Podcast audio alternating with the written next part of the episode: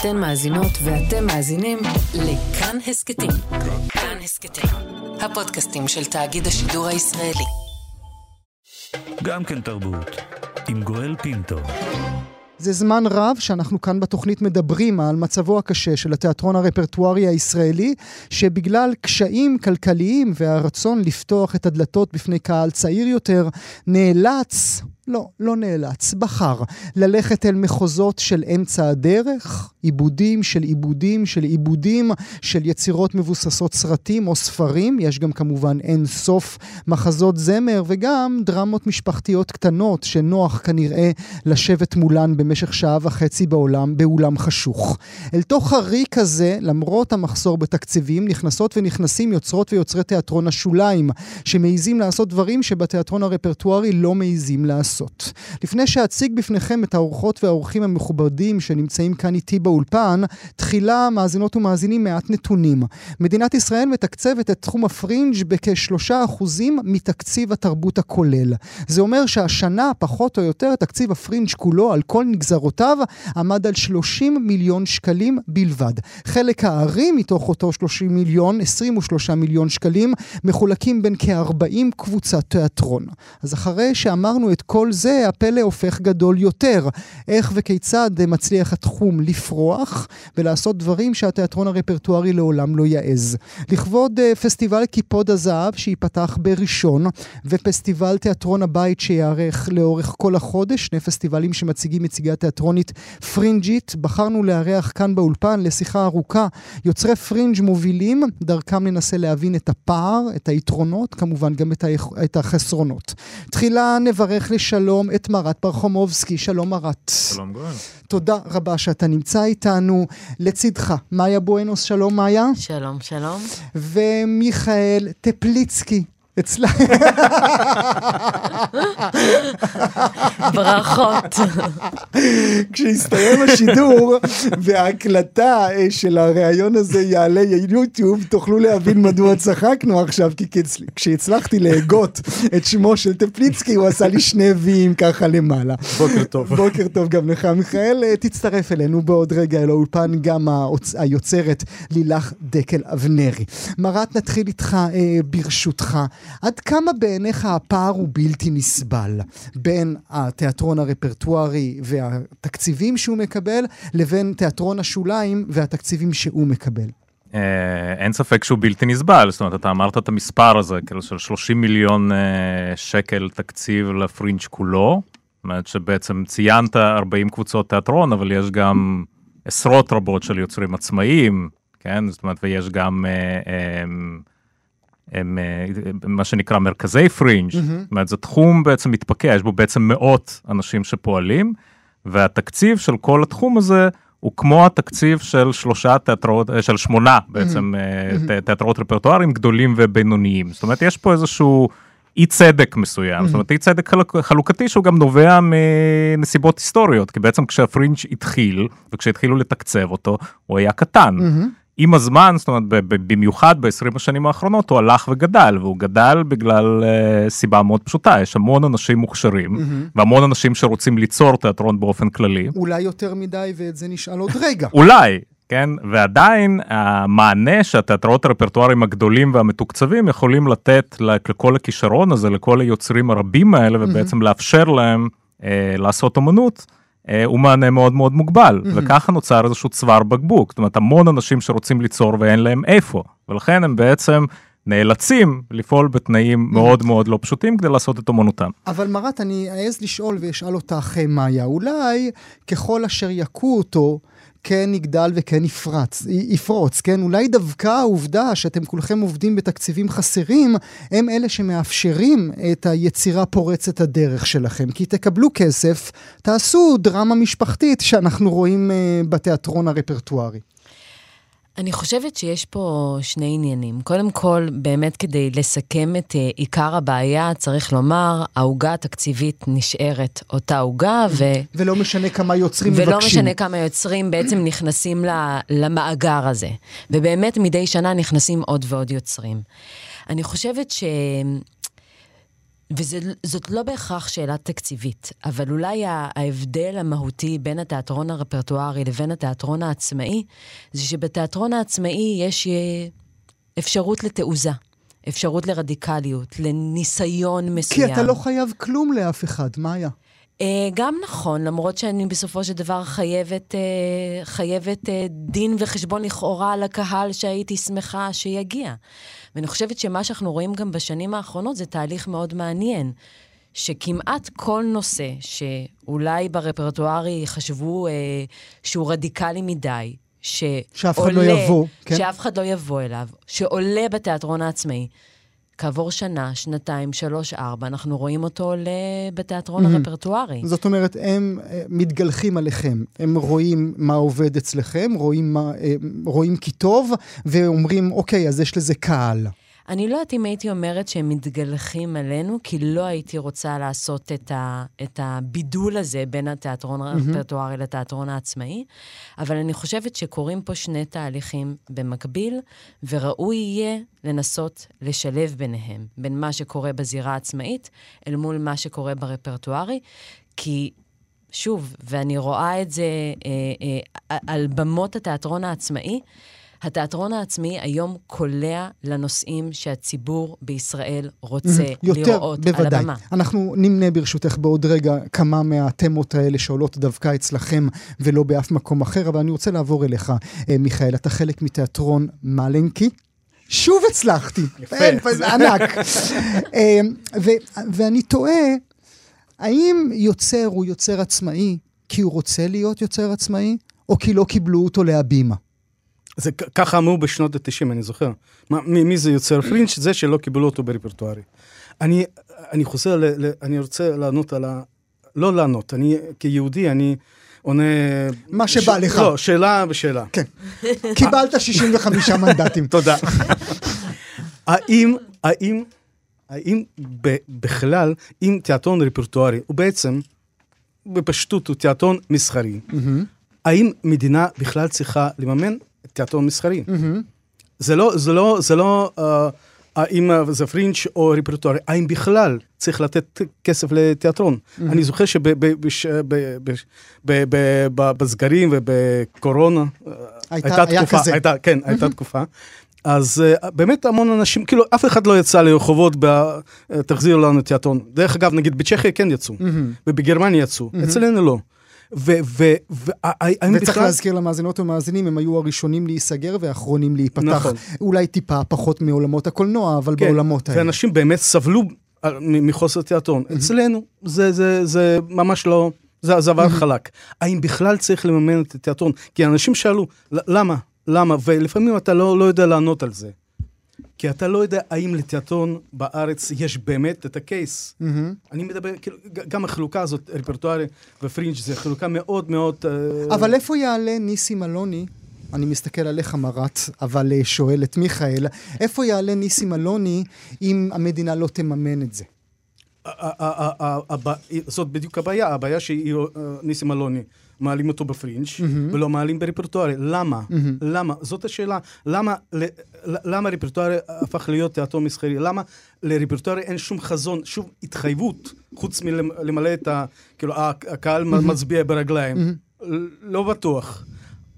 ללמד את הקהל, לחנך את הקהל. אבל אתה להיות... מציב יותר מדי שאלות, ואני רוצה ממך תשובות, כי אתה, אנחנו מחליפים תפקידים, הצלחתי להגות את שם המשפחה שלך, אז, אז תהיה הוגן איתי. Okay. אוקיי. התשובות אצלך, ואני נותן לך את קרדיט uh, שר התרבות הבא. אנחנו מניחים שזאת תהיה גלית דיסטל, אבל, אבל, uh, אבל אנחנו ניתן לך בכל זאת את, ה, את התפקיד.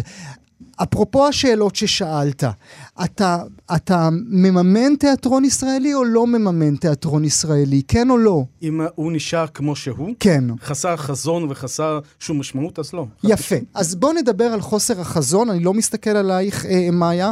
אה, בוא נדבר על חוסר החזון שאתם תופסים כיוצרים עצמאיים בתיאטרון הרפרטוארי, ובינתיים אברך את לילך דקל אבנרי שהצטרפה אלינו אה. לאולפן. שלום לילך.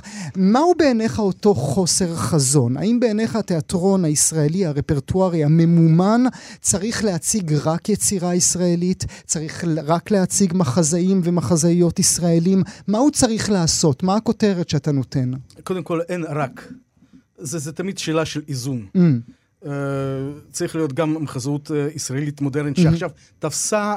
אני, אני ספרתי בבניין של הבימה, ספרתי, יש את הפוסטרים תמונות. של ההצ- ההצגות, 24 הצגות, מתוכם או 16 או 19 זה מחזאות ישראלית מודרנית. האם זה לא מוגזם? Mm. האם זה, זה, זה, זה, יש בזה איזשהו איזון, balance, כאילו, האם זה באמת מצדיק את עצמו? אבל אתה אף פעם לא תהיה מרוצה. נציג רק את הנרי מילר, תגיד למה רק הנרי מילר. נציג, נציג רק את דוסטויבסקי, תגיד למה דוסטויבסקי. נציג רק את, אה, את, אה, את הישראלים, את מיטלפונקט, גם אז זה לא יהיה מספיק טוב בשבילך. אולי, אולי אה, לקבוע באמת חלוקה הוגנת ו- והגיונית ל- ל- לרפרטוארי, ש- ש- ש- שיצטרכו לעלות גם וגם וגם וגם, אם אתם מקבלים תקציב כל כך גדול. מהמם. באמת, בהשוואה לפרינג'. כן, באמת, התקציב הרבה פחות מ- מתיאטרון בגרמניה, אוקיי. אז אולי, אולי חלוקה צריכה להיות יותר הוגנת. אעבור אלייך, לילך, ברשותך, את השאלה שמיכאל, אה, שאלתי אותו והוא לא, לא ענה, כן? כי הוא עונה על מה שבא לו פשוט.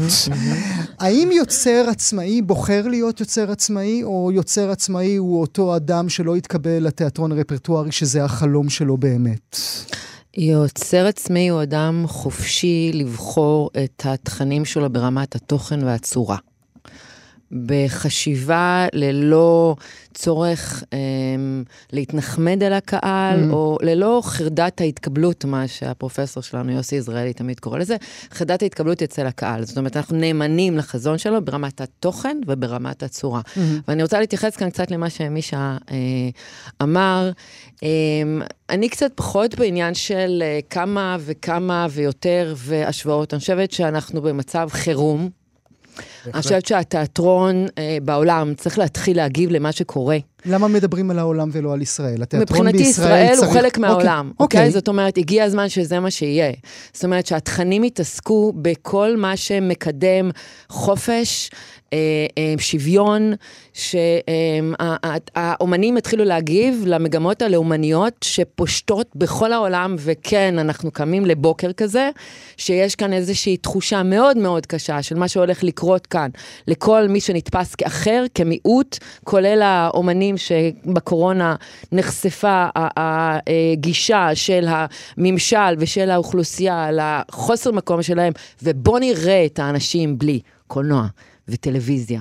ומוזיקה, ותיאטרון, mm-hmm. ותערכות. בוא נסגור, mm-hmm. בוא נסגור, בוא נחשיך את הטלוויזיה, mm-hmm. בוא נראה אם באמת אומנות לא חשיבה. אז אני מצטערת שאני רגע פורצת לתוך העניין, לנישה של העניין מיכאל. העכשווי, העניין העכשווי, אבל כאילו הבמות פה, הגיע הזמן שהבמות ייתנו מקום למה שבאמת חשוב, ומה שבאמת חשוב זה תכנים רדיקליים וצורות עכשוויות. והאם זה אומר שבעינייך התיאטרון העצמאי כן נותן את התשובה הזו? כן לא מציג... כולו, לא כולו, לא כולו, ברור, א- א- אין מה לעשות, ברגע שהדור אבל, אוקיי. הדור הצעיר, הדור הצעיר רוצה אמ, ליצור, נכון? והמקום היחידי שייתן לו תקציבים זה התיאטראות הרפרטואריים, אוקיי? אז הוא מכוון את עצמו להתקבל לתיאטרון הרפרטואלי, הוא מפסיק להיות נאמן לעצמו, בניגוד ל... אבל אם את רוצה להיות נאמנה לעצמך, למה אני שאני... נאמנה לעצמי. למה שאני אשלם על זה? מי זה אתה? אנחנו מדברים על עולם למה שתשלם על זה? בעולם כי אולי, בתקציבים, מה, לא לא אוקיי, כי אולי להיות... מה אה, שאני עושה זה אומנות, כי אולי מה שאני עושה זה מרחיב את תפיסת אבל את החשיבה, רוצה להיות זה... נאמנה לעצמך, תהיי נאמנה לעצמך. אני נאמנה לעצמי, זה מה שאומנים עושים. נאמנים, האומנים הם נאמנים לעצמם. הם מגיבים למה שקורה. אומנות זה אומנות התגובה. יש מה שקורה ויש את הבחירה שלנו להגיב ולהתנגד. זה מה שאומנים עושים. זאת אומרת, אתה לא רוצה לסבסד אומנות, אז לא תהיה אומנות. סבבה, בוא נשאר רק עם הטלוויזיה. אתה רוצה לסבסד בידור, אתה רוצה לסבסד מחזות זמר, בתיאטראות הרפרטואריים, סבבה, נישאר בלי אומנות שמעודדת חשיבה ביקורתית, למה טלוויזיה שמחזירה את ומחזות זמר זאת הדמיון. לא אומנות? מה? למה טלוויזיה ומחזות זמר זאת לא אומנות? אני חושבת שמחזות זמר זה בדרך כלל, ברוב המקרים, אומנות מסחרית, וטלוויזיה, אני לא אמרתי שזה לא אומנות, יש הרבה מאוד אומנות לתוך הטלוויזיה, יש סדרות מופת, כן? יש יצירות מופת, אבל בכללי, בסך הכל, כמה אומנות יש בטלוויזיה? רוב הטלוויזיה, בואו נודה על האמת, מלאה בריאליטי ובחדשות, נכון? כאילו, גם הסדרות, גם הרשתות הגדולות, גם נטפליקס, כמה אומנות יש שם? הרוב זה...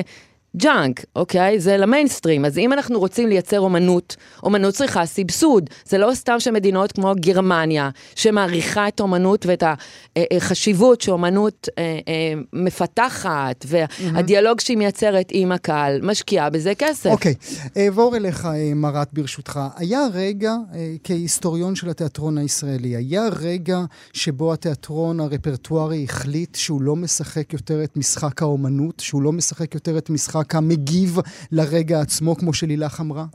אה, אני חושב שכל השינויים האלה שקרו בתיאטרון הרפרטוארי זה לא כי מנהלי התיאטרות הרפרטוארי החליטו פתאום לעשות לא משהו אחר, אומנות. שהם לא רוצים אומנות. אני חושב שפשוט השיטה שבה המדינה תומכת אה, בתיאטרון, בתיאטרון הרפרטוארי ובפרינג', היא בעצם קובעת את האופן שבו התיאטרות האלה מתפקדים.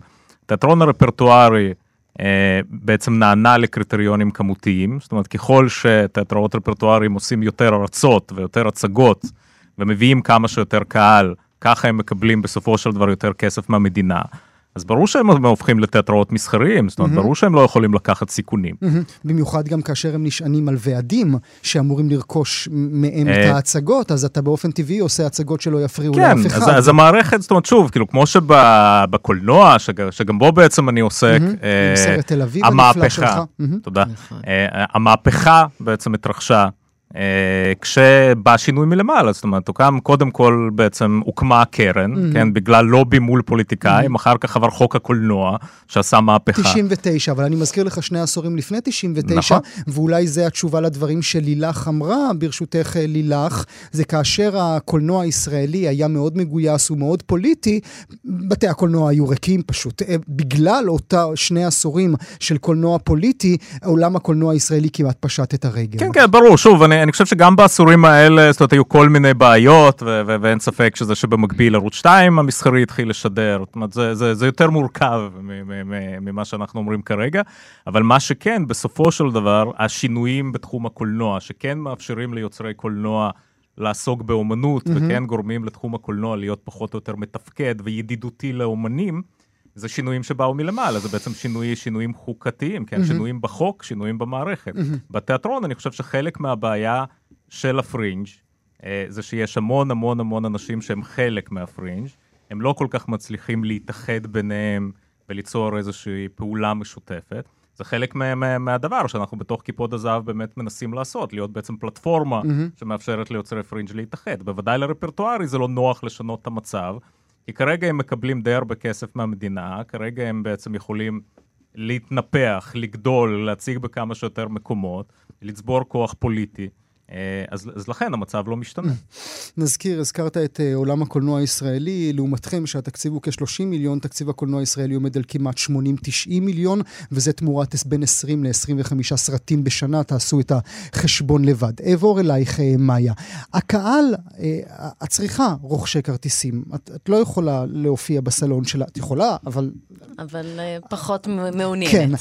הם רוצים את התכנים, נגיד, המגדריים שלך? Um, כן, בלי האם בהתחלה. Mm. Uh, אני כל פעם בוחרת הרי סוגיה פוליטית-חברתית אחרת, ואני נדהמת עד כמה הקהל צמא לה. Mm-hmm. ההצגה הנוכחית שלי, אוקטובר, שעוסקת בהלם קרב, טפו טפו חמסה, אנחנו כל פעם סולד אאוט. וזה, עבורי זה, זה, זה די מדהים לראות שהקהל מבקש את המפגש החי עם הנושא הכל כך מורכב הזה. יש DNA, יש DNA ל- לאלה שבאים להצגה שלך? לא. אין לא, להם גיל? לא, אין להם גיל ואין להם... אה, אה, ואין איזושהי חלוקה מגדרית מסוימת. זאת אומרת, זה אה, לא הקהל שלא מגיע לרפרטוארי, זה לא שנכנסת לנישה, או אתם נכנסים לתוך נישה שלא נכנס דלתות הקאמרי, בית לסין והבימה. אני לא חושבת.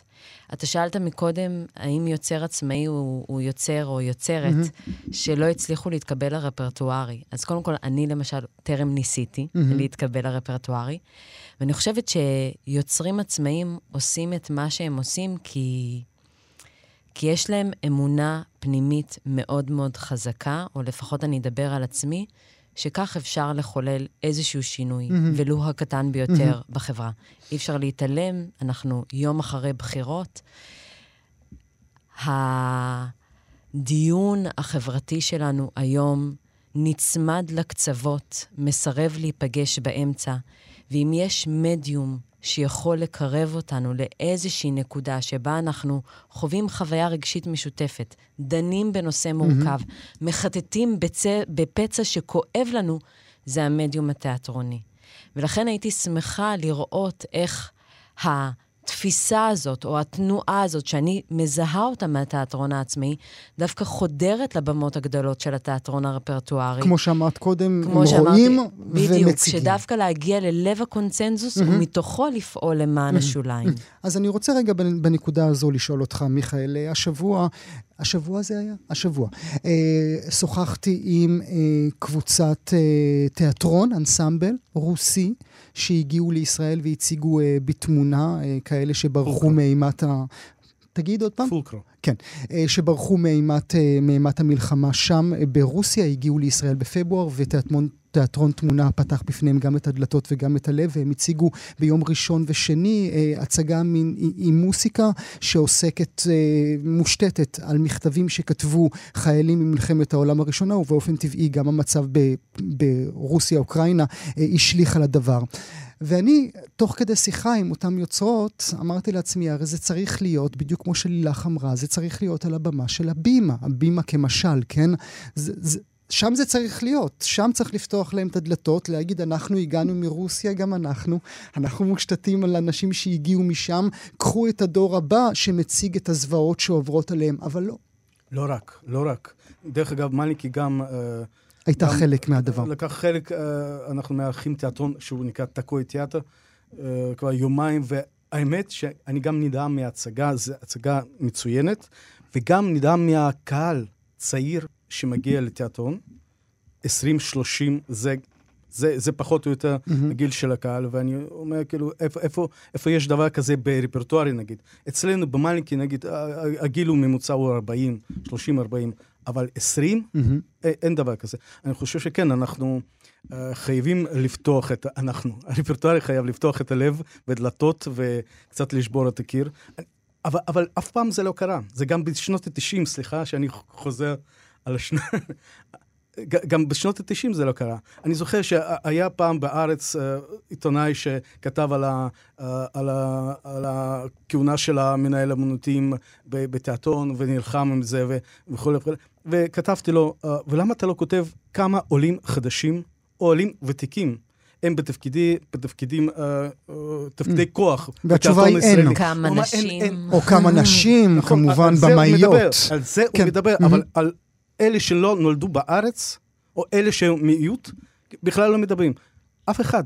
הוא אמר לי, אין, אין לי מידע כזאת, לי יש מידע. Mm-hmm. אין אף אחד. Mm-hmm. פשוט אין אף מה אחד מה אתה ש... לומד מזה? אני לומד מזה שיש קיר שקשה מאוד לשבור אותו, mm-hmm. ו- ואני חושב שהתיאטרון רפרטוארי חייב להשתנות. Mm-hmm. כי זה סך הכל לטובתו.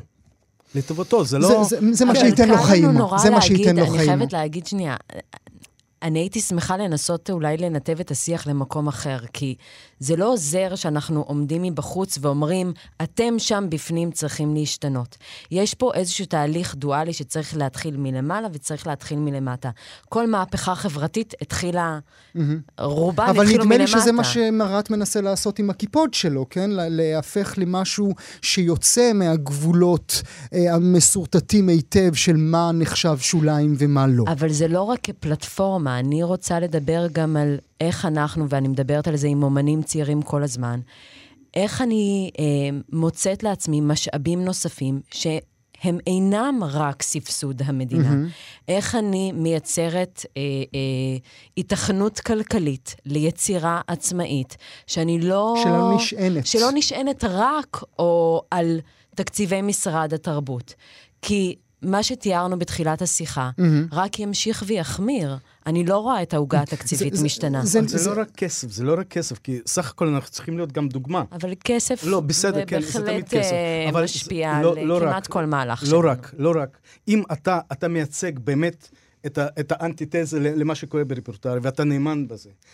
וקהל, ולמלינקים באים. Mm-hmm. למלינקים מלא. כאילו, זה סולד אאוט כמעט uh, תמיד, ואנחנו משחקים uh, הרבה הצגות בחודש. וזה באמת, אנחנו, לא תהיה תיאטרון רפרטוארי, אנחנו תיאטרון, תיאטרון אומנותי נטו, mm-hmm. זהו.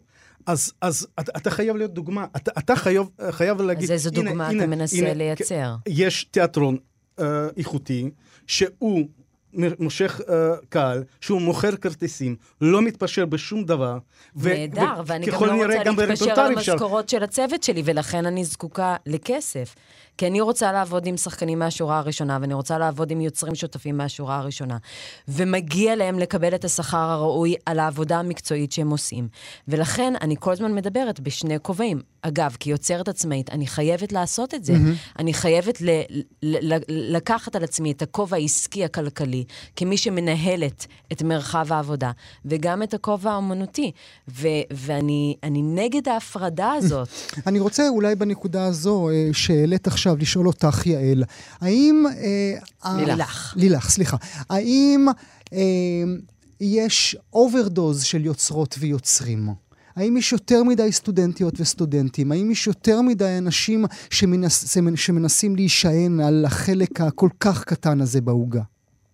אה, מעניין, אני בדיוק חוזרת מקוסובו עכשיו, ואחד הדברים המפעימים שם, שלבית ספר לקולנוע ולבית ספר לתיאטרון, יש 100 מועמדים ומתקבלים חמש בשנה. Mm. אוקיי, אז uh, קצת הרבה פחות ממה שקורה כאן בארץ, אבל גם האוכלוסייה שם היא קצת יותר uh, קטנה, וגם היכולות הכלכליות של uh, סטודנטים בכלל להגיע ללמוד הן הרבה יותר קטנות, כך שזה מגיע למאה, ולא צריך להגיע עד לשם, אבל אין ספק שיש כאן... Uh, שפע תמרי. זה, זה, זה, אמרי זה, זה שפע, אבל זה שפע, כי גם. המנגנון, אינפלציה, זה גם, המנגנון של בתי הספר הוא כזה שהם אה, לא הולכים על איכות, כי הם צריכים כמות כדי שהם יוכלו לשרוד. רק לאחרונה קמה תוכנית מדהימה של נקודת... אה, קצה, קוראים לה, נכון? של, של אה, סמרטוט ושל תיאטרון אוצר, ששיתפו פעולה והזמינו אותי לשמחתי לקחת חלק בסגל ההוראה, וזו תוכנית פריבילגית שאליה מתקיימים,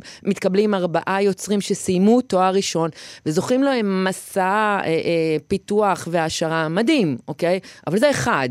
השאר, רוב אלה שמתחילים עם תואר ראשון, יש, אה, הסינון הוא לא בדיוק אה, מאוד אה, גדול, זה דבר אחד. דבר שני, הקריטריונים לכאורה לקבל תקציבים זעומים, כן? זעומים ממשרד התרבות או ממפעל הפיס. אולי מפעל הפיס זה לא זעומים, אבל זה גם עדיין קטנים, אוקיי? זאת אומרת, אם תקציב הפקה עצמאית הוא נע בסביבות נגיד 150 אלף שקל, לעומת אה, מיליון וחצי בתיאטרון הממסדי, mm-hmm. אוקיי? אז להגיע ל-150 אלף שקל האלה, כשאתה מקבל, אה, לא יודעת, אה, 60 אלף שקל ממשרד התרבות ו-40 אלף שקל ממפעל הפיס, אתה עדיין, כמו שמאיה אומרת, לא מצליח להגיע למינימום, 150 אלף להפקה זה מינימום ראוי בשביל לשלם אה, משכורות. אז כן, ברגע שגודלות הקבוצות, ויש מלא גם יוצרים עצמאיים, אבל החמור ביותר זה שהתקציב mm-hmm. של היצירה העצמאית לא גדל. לא משתנה.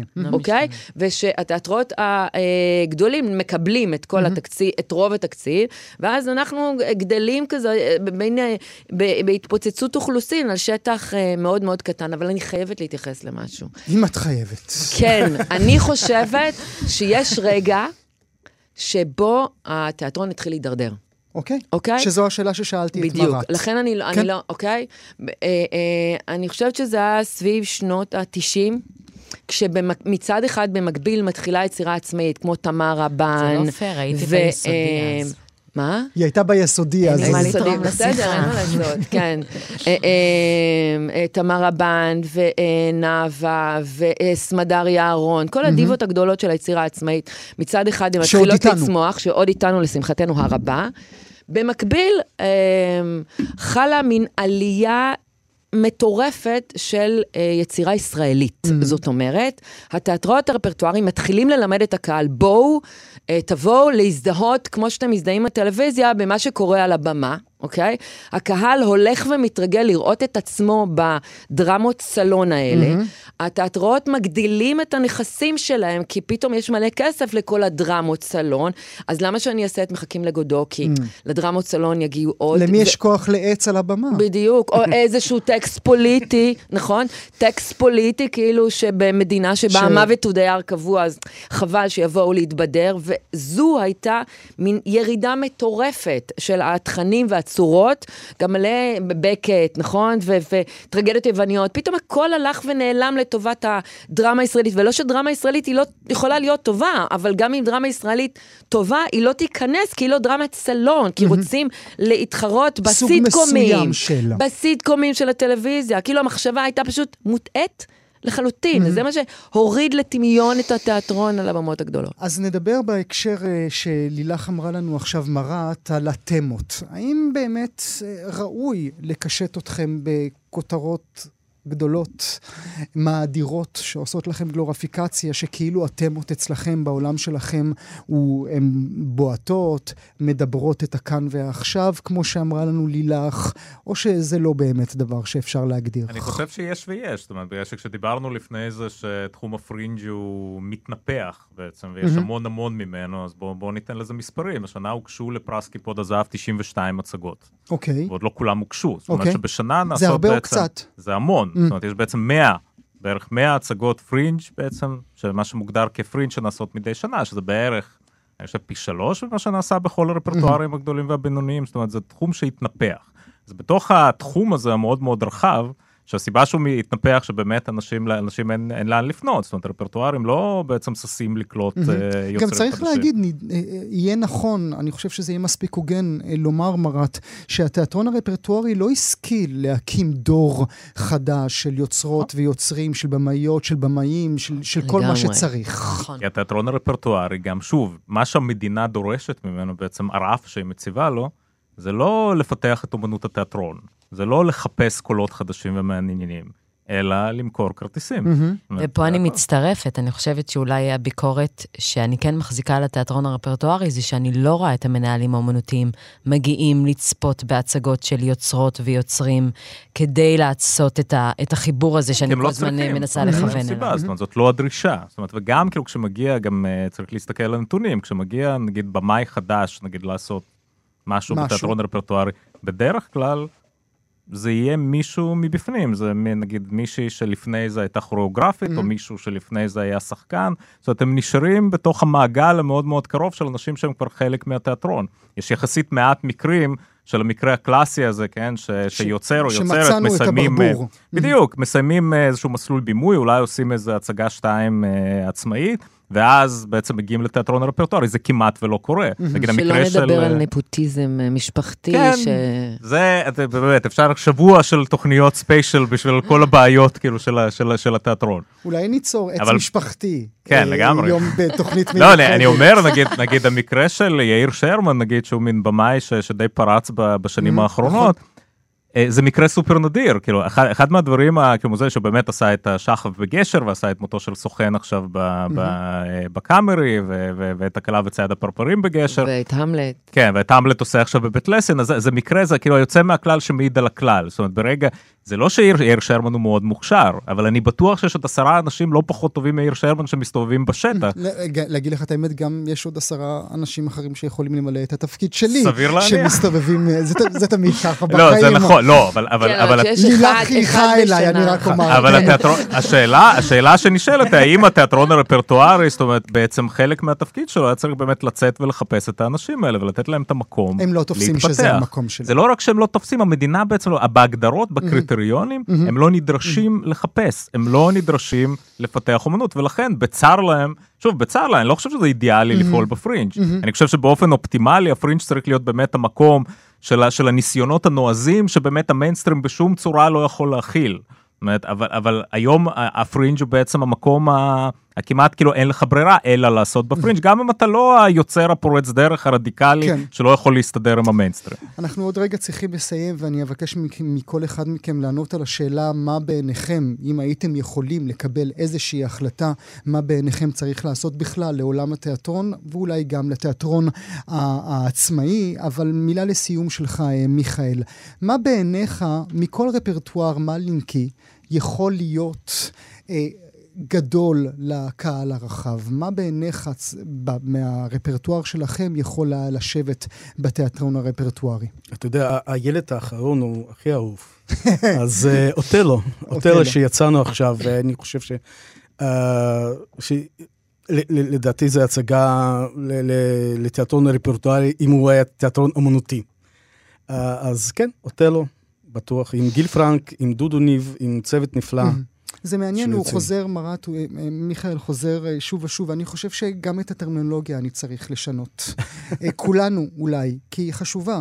ואולי באמת אנחנו צריכים להתחיל לומר תיאטרון אה, אומנותי לעומת תיאטרון מסחרי, או משהו, בטוח. משהו, מה, משהו מהעולמות האלה, כי זה דה פקטו מה שקורה, זה לא שאנחנו יוצרים מציאות שאיננה קיימת. רגע, אז אני אני חייב לך תשובה. כן, כן, תשובה לשאלה הנה זה בא. הראשונה. לפני 40 כן, דקות כן. שאלתי אותך. כן, כן, כן, כן. אה, אני, עובד בפרינג' ואני אני מאושר שאני עובד בפרינג' ואני חופשי ובאמת ברכה גדולה, אבל אה, הפעם ועדיין הייתי רוצה להיות מנהל אמנותי של הבימה. זאת התשובה. אז זה מביא אותי לשאלה האחרונה שלי. כן. והיית מנהל הבימה, מה הדבר הראשון שהיית מעלה? קודם, אה, קודם כל הייתי מפרק את התיאטרון, מה הדבר הראשון שהיית מעלה? את. את האוטלו. לא, הייתי מחזיר את, את, את הדיבוק. אה, היית ומחזיר- מחזיר את כן, הדיבוק. כן, כן, מובן. ואז מ- הכל מההתחלה. מאיה, את מקבלת ממני את השרביט לעשות מה שאת רוצה. מה את עושה? אז אני חייבת להגיד תיאטרון דוקומנטרי שמדבר על סוגיה בוערת בחברה הישראלית. כי אני חושבת שאנחנו שזאת צריכים... תהיה המהות אה, שלו. כן, אנחנו צריכים לראות את עצמנו על הבמה. ואולי ללמוד גם קצת ממה ש... מההשתקפות הזאת על הבמה.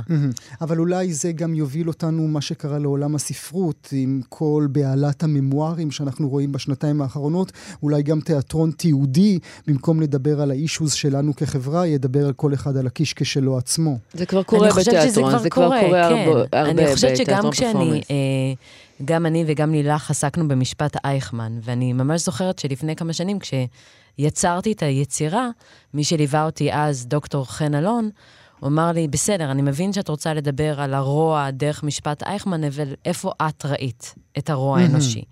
כך שזה ברור שגם כשאני עוסקת בתיאטרון דוקומנטרי, וגם כשקהל יושב מולי, בסוף הוא אתה... מדבר את עצמו. ברור. וזה בסדר ולגיטימי. לילך, אני מעביר אלייך. הנה, אני כבר משתעל בגללך, אני מפחד מה תאמרי לי. אני מעביר לא, לך את הצ'ק. דווקא קודם כל אני רוצה להתייחס למה שמאי אמרה, באמת אה, פרויקט אייכמן שלנו שעלה בפסטיבל ישראל ועדיין רץ בדיגיטל היום כיצירה לדיגיטל, ורץ בפסטיבלים בעולם. אה, למרות שנקודת המוצא גם שלי הייתה בכל הנושא של השואה, חקר הרוע, משפט, אייך- פרויקט אייכמן שלנו חקר את המנגנון של בית המשפט. גם שזה אצלי, משהו, משהו כן. שונה לחלוטין, אנחנו לא נכנסנו לעדויות. ולשאלה אנחנו נכנסנו שלי? למנגנון. השאלה שלך, התשובה שלך היא, הייתי עושה בדיוק את מה שאני עושה עכשיו. בימים אלו, אני עובדת על פרויקט חדש, בעקבות נוטות החסד של אייסחילוס, שזה החלק השלישי באורסטיה, בטרגדיה הבלתי נגמרת על מאבק הדמים. פרויקט שישלב עבודה עם הטקסט הדרמטי היווני, לבין מה שאני עושה בשנים האחרונות זה וידואים של הפרפורמרים, בהפקה בינלאומית אינשאללה, גרמנים ישראלים וכמובן קוסוברים מקוסובו חדשים. את אותו הדבר הייתי מעלה על הבמה הרפרטוארית. כמו שאני רוצה שזה יעלה על הבמה העירונית בגרמניה, וזה יעלה על הבמה העירונית בקוסובו, אני רוצה שזה יעלה על הבמה העירונית בתל אביב. מה רעת מילת סיום שלך? אה, עדיין, עדיין מה הייתי רוצה, מה הייתי עושה אחרת? אז קודם כל, שוב, עוד פעם, אני, אני באמת חושב שהמערכת צריכה להשתנות, זאת אומרת, משרד התרבות צריך לשנות את הקריטריונים, זה דבר אחד, ו, ואם הייתי מקבל באמת תיאטרון רפרטוארי, שאני באמת מקווה שזה יקרה יום אחד, אז באמת הייתי, כשאני מסתכל על מה שעשיתי עד היום בתיאטרון העצמאי, אז הייתי עושה אותו דבר, אבל בתנאי, בתנאים יותר טובים, עם יותר כסף, עם שחקנים אה, באמת ש, ש, שאני רוצה לעשות, שזה באמת אה, לנהל דיאלוג עם קלאסיקה ישראלית, עם קלאסיקה עולמית, להסתכל מה קורה מסביבי בעולם ולעשות את היצירה האומנותית שמתכתבת עם זה, שאומרת על זה משהו, שאני חושב שהיום התיאטראות הרפרטואריים לפחות אה, בוחרים או, או לא יכולים להרשות לעצמם לעשות את להתעסק הדברים האלה. ורק ואני נזכיר... מוסיפה דיאלוג גם בינינו לבין היוצרים והמנהלים של התיאטרון הרפרטוארי. דבר שגם זה לא קורה כל כך. ותבואו לפסטיבל קיפוד הזהב, כמובן. תבואו לפסטיבל שזה- קיפוד שמציג הזהב, את מיטב כמובן. הפרי, מיטב הצגות הפרינג' של השנה. ונזכיר לסיום את דבריו של אה, שר התרבות, חילי טרופר, שאך לפני מספר ימים אמר שאם יש משהו אחד שהוא לא טיפל בו עדיין, והוא מצטער על כך, זה עולם התיאטרון האומנותי. קצת מדי ומאוחר מדי. נברך לשלום, תודה רבה על שהייתם איתנו. מראת פרחומובסקי, תודה לך שהיית איתנו. מאיה בואנוס, תודה גם לך. מיכאל טפליצקי, תודה גם לך. לילך דקל אבנרי, שמחייכת. תודה שהיית איתנו. גם כן תרבות. ראשון עד רביעי בין 9 ל-11. רק בכאן תרבות. אתן מאזינות ואתם מאזינים לכאן הסכתים. כאן הסכתים, הפודקאסטים של תאגיד השידור הישראלי.